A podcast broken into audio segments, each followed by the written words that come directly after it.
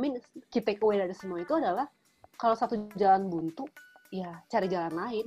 Ya. Hai ya, Assalamualaikum teman-teman semuanya. Balik lagi bareng saya Nelma Daan dalam Dia Indonesia. Menghadirkan orang-orang Indonesia hebat di seluruh dunia. Apa yang kamu pikirkan kalau misalnya aku bilang soal 3F? Female, Fun, and Fearless. Narasumber aku kali ini namanya Miki Jane Salim. Beliau posisinya sekarang ada di Hong Kong dan banyak sekali hal positif yang bisa pelajari dari Miki. Langsung aja kita kenalan sama Miki.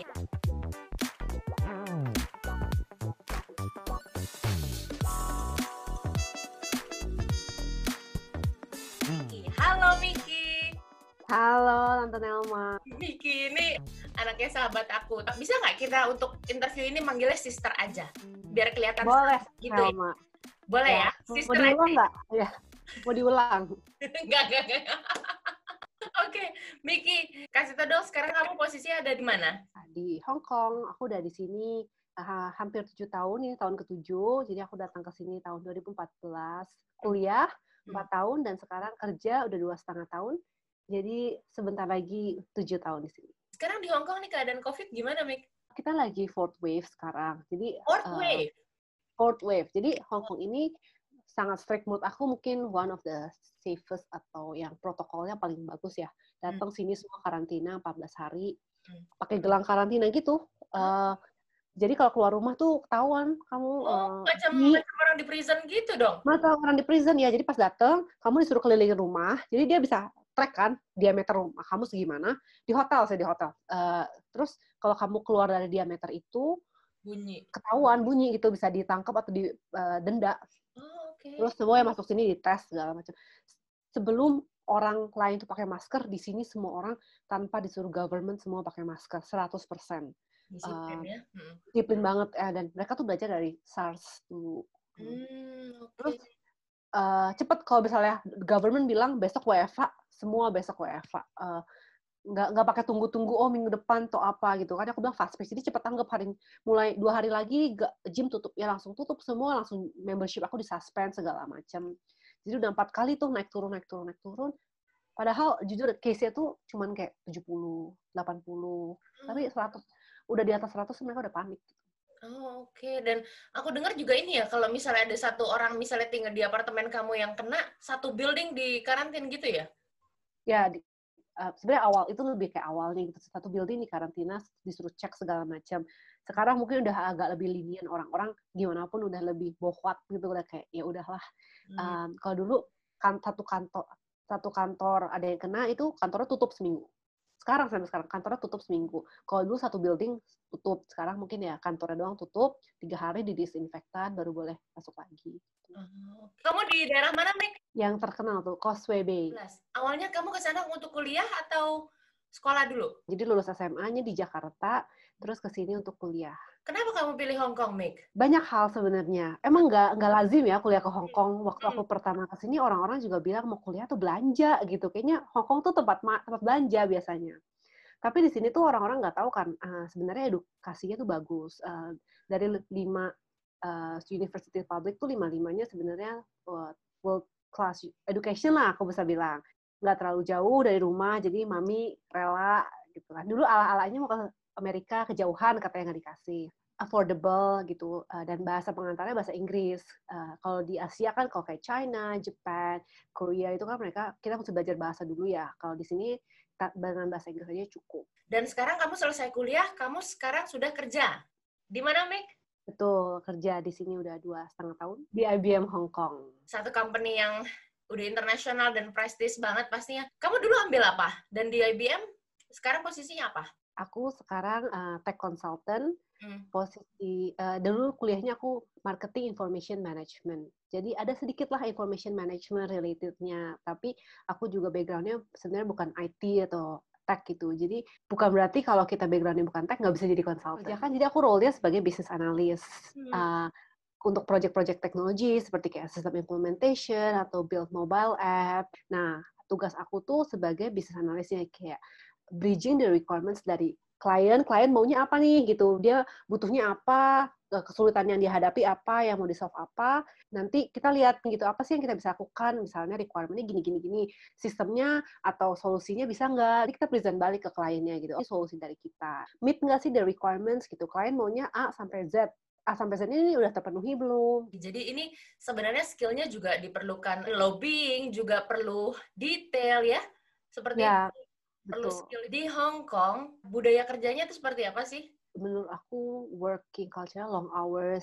Jujur aku belum pernah sih kerja di Indo, jadi mungkin aku nggak bisa terlalu bandingin gimana. Tapi yang jelas di sini tuh overtime atau um, long working hours, working standard itu pasti jauh lebih tinggi kalau aku boleh bilang. Apalagi konsultan ya, konsultan kan kita yang kita jual tuh jasa waktu kita.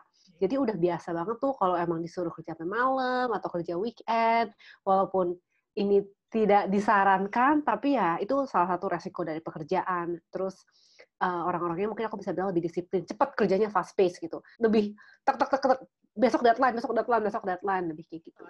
Di lingkungan kantor melihat kamu sebagai orang Indonesia seperti apa sih, Mik?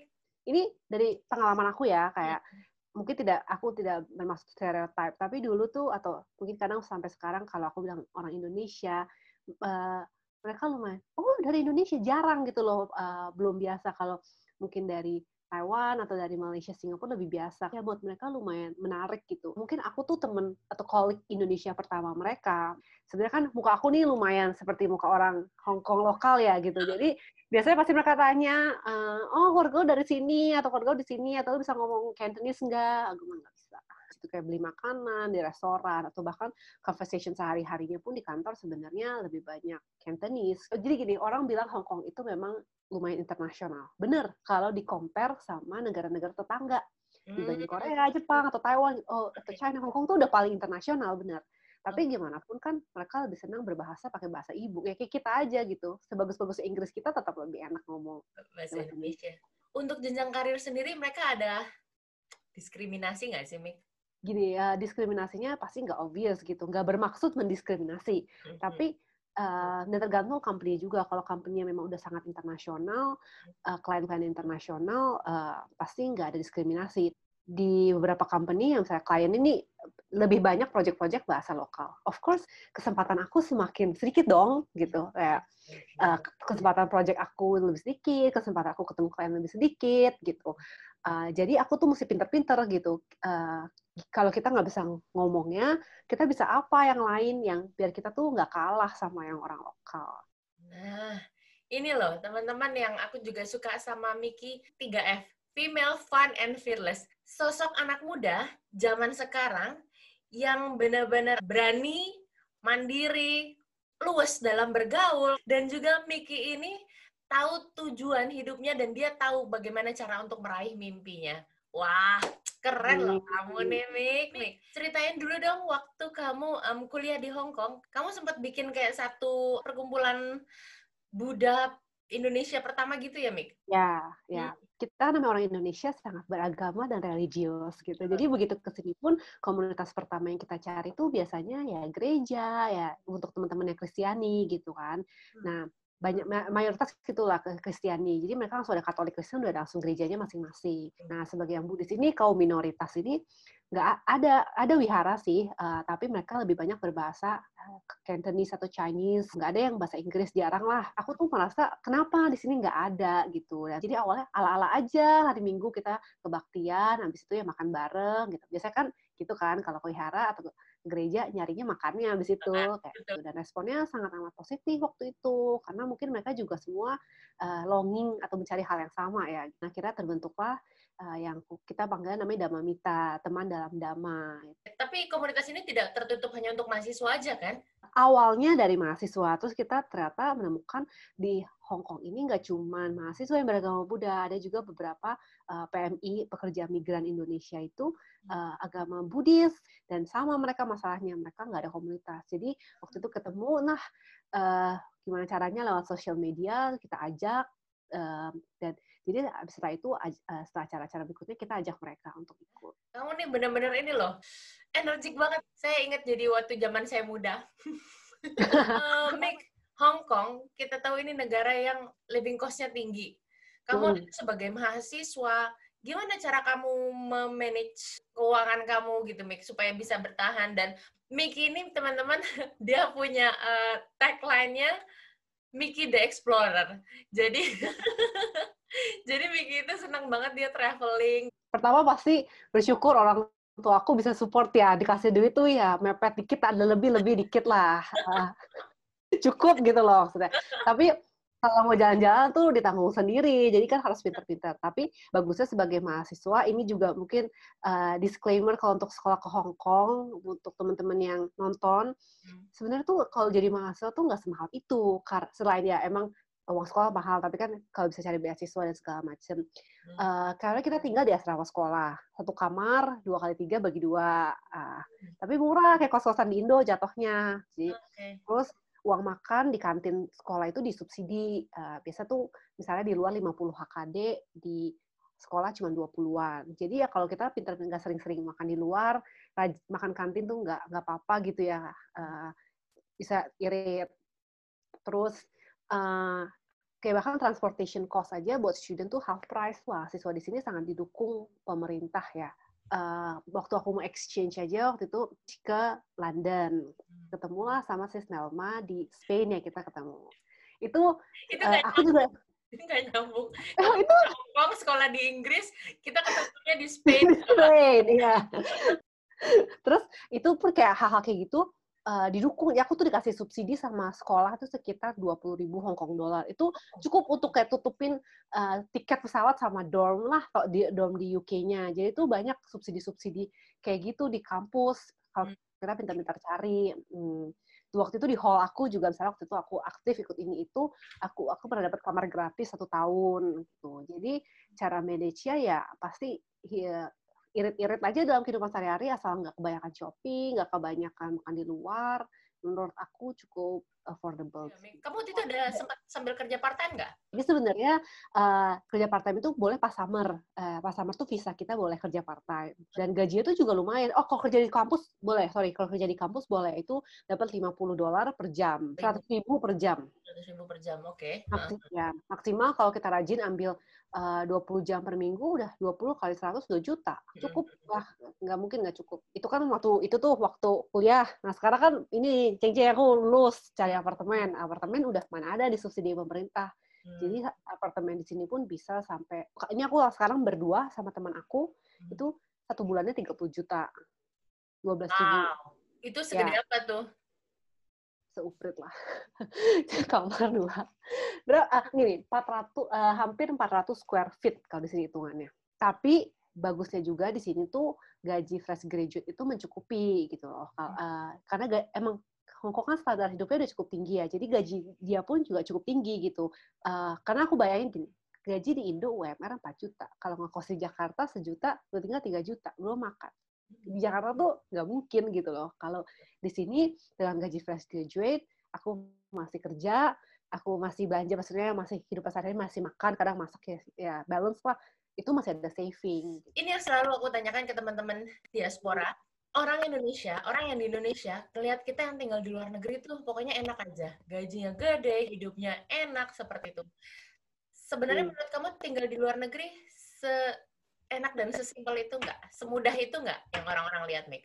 Enggak. Menurut aku balik lagi apa yang apa orangnya seperti apa dan apa yang dicari gitu. Kalau sekarang aku seneng tinggal di sini, anakku masih muda kerja sampai malam, living pace-nya cepet, stres gitu ya. Karena aku emang masih muda gitu. Aku memang harus waktunya kayak gitu gitu loh. Tapi mungkin kalau untuk nanti yang kalau udah berkeluarga kita kayak sis nama sekarang gitu mungkin nggak cocok tinggal di sini rumah kecil saya punya asisten rumah tangga aja gimana mau tinggal di mana gitu kalau mikirannya atau terus ke mana-mana uh, ya public transportation oke okay lah tapi misalnya sekolah atau apa kan masih banyak yang harus dipikirin gitu. Terus di sini banyak nggak bisa bahasanya terutama aku oh, sering banget dimarahin nangis nih nangis iya. dimarahin orang Hong Kong gitu kayak. Tapi waktu pertama kali ke sini itu aku misalnya nanya aku tuh nggak tahu cara stop bus gimana nggak bisa ngomongnya. Aku bilang ini sekolah aku di sini bus stopnya di sini malam-malam gitu kan.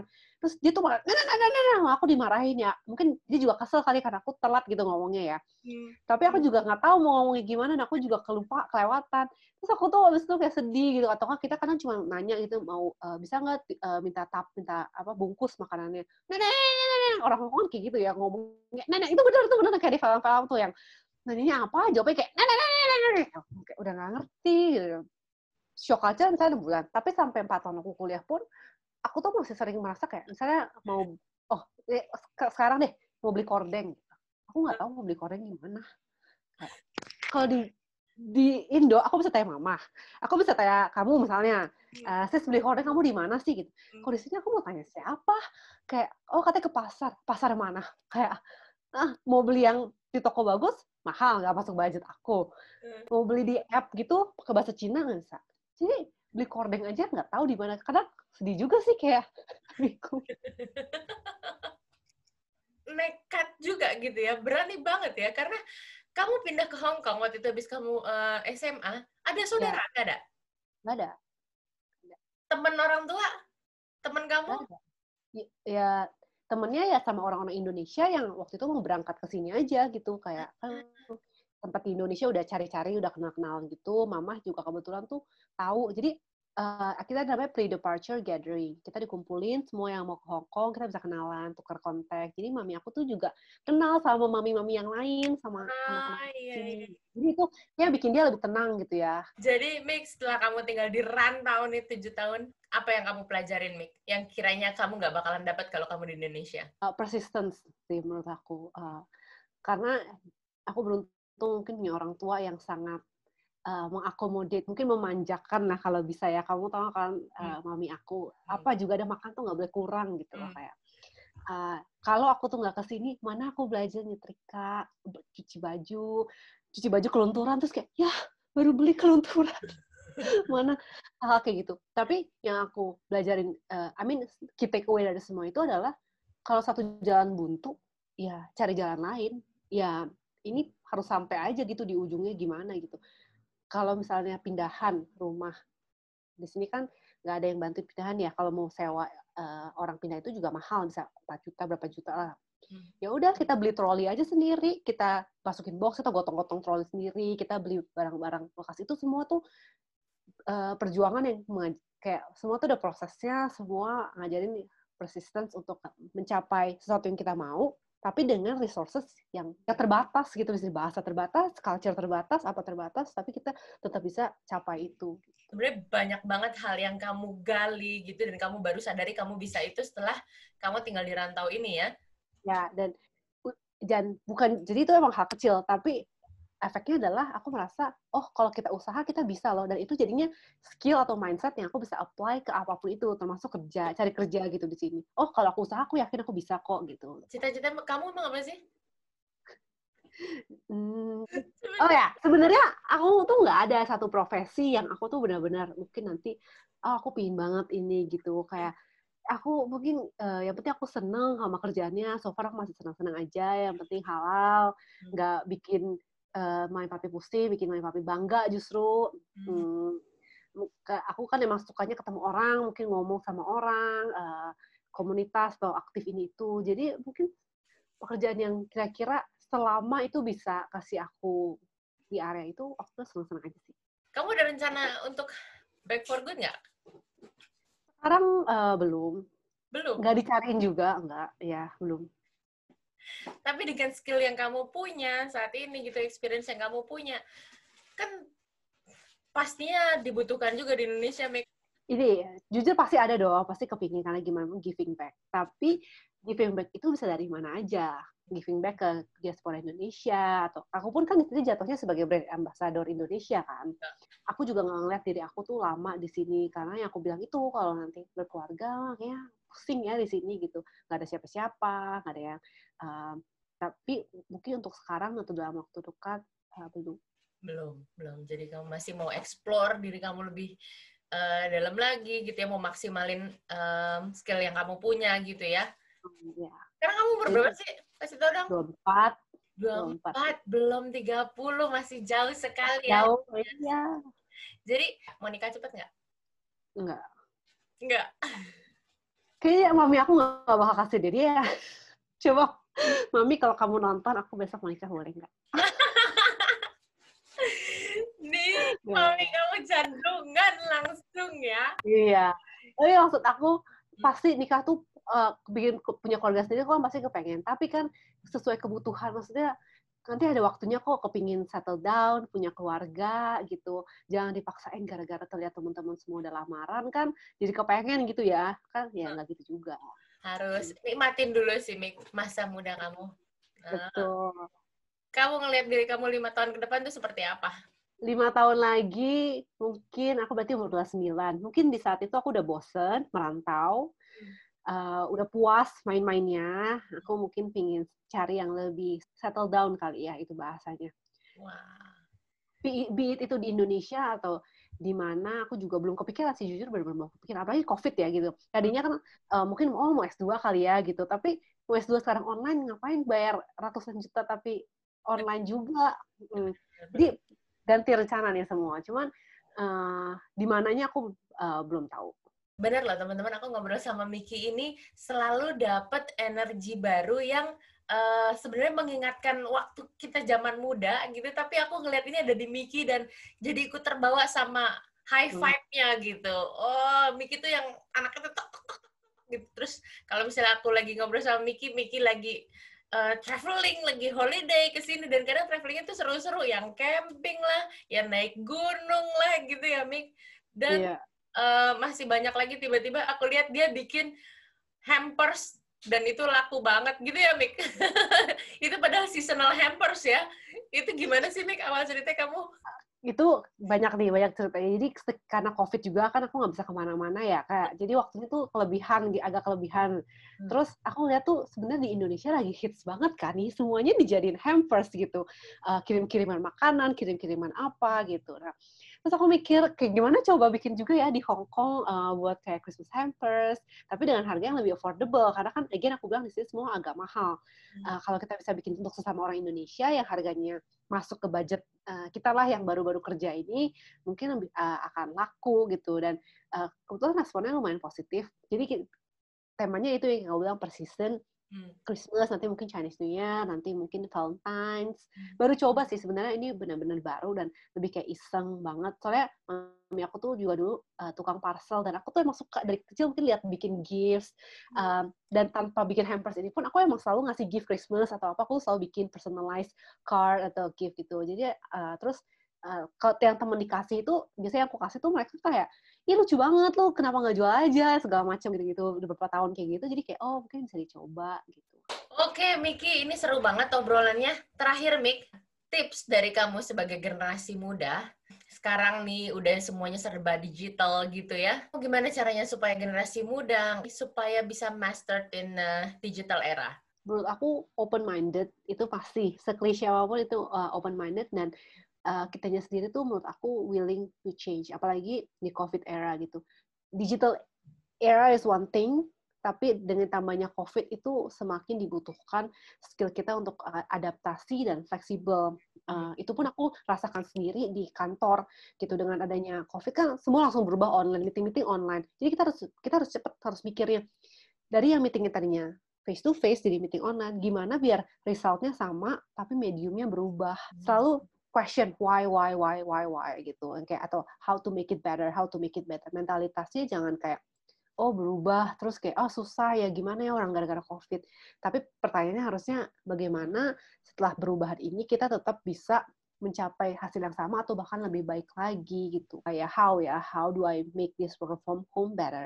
How do I make this virtual meeting better? Dan kalau kita bisa punya that mindset, jadi apply ke semuanya gitu, nggak cuma di kerja, di kehidupan, kalau misalnya I cannot do master, then how do I equip myself to be better in other ways? MJ, luar biasa.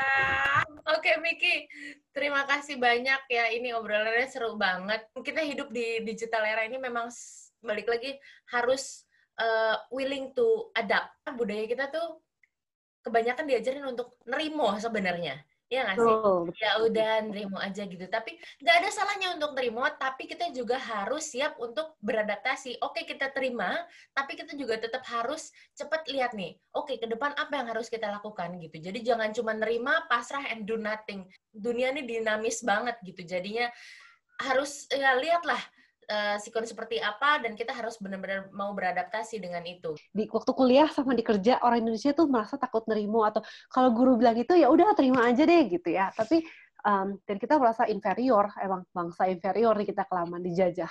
Cuman kita nggak boleh punya mentalitas kayak gitu gitu. Karena kita tuh sebenarnya pinter juga. Kita tuh punya capability dan um, advantage yang sama sama orang-orang yang lain gitu loh sebenarnya. Jadi jangan merasanya kita oh kita tuh nggak bisa. Oh disuruh gini oh ya udah. Coba berani berani speak up berani tanya berani challenge. Coba tanya dengan yang sopan yang positif kita tuh orang-orang Indonesia tuh nggak kalah pinter sama orang-orang luar negeri. Jadi ya mentalitas lah, aku rasa sistemnya juga di UK semua pasti beda. Nggak, nggak serba ada kayak di Indonesia, nggak gampang, nggak gojek, nggak apa. Harus pikir pinter gimana nih bisa bikin YouTube channel, tapi anak juga tetap teratur, harus harus, harus kreatif kan, harus beradaptasi gitu. Benar-benar. Manajemen waktu juga jadi belajar banget sih di sini gitu dan ya nggak ada yang bisa dia nggak ada yang bisa dimintain tolong soalnya kan. Iya. Jadi harus pinter-pinter aja, harus kreatif. Miki, terima kasih ya. Ini bermanfaat banget. Dan aku merasa muda kembali. Mudah-mudahan teman-teman yang nonton juga. Mudah-mudahan um, aku bisa merasakan sekali positif vibe yang Miki salurkan dari obrolan ini. Mudah-mudahan teman-teman juga bisa merasakannya. Dan bisa menginspirasi dan memotivasi kamu juga. Gak harus keluar negeri, teman-teman. Bisa mulai dari di mana pun kamu berada di Indonesia juga. Dan sekali lagi terima kasih Miki, teman-teman terima, terima kasih sudah video ini. Mudah-mudahan bisa bermanfaat. Sampai ketemu lagi di video berikutnya. Dadah. Assalamualaikum. Dadah.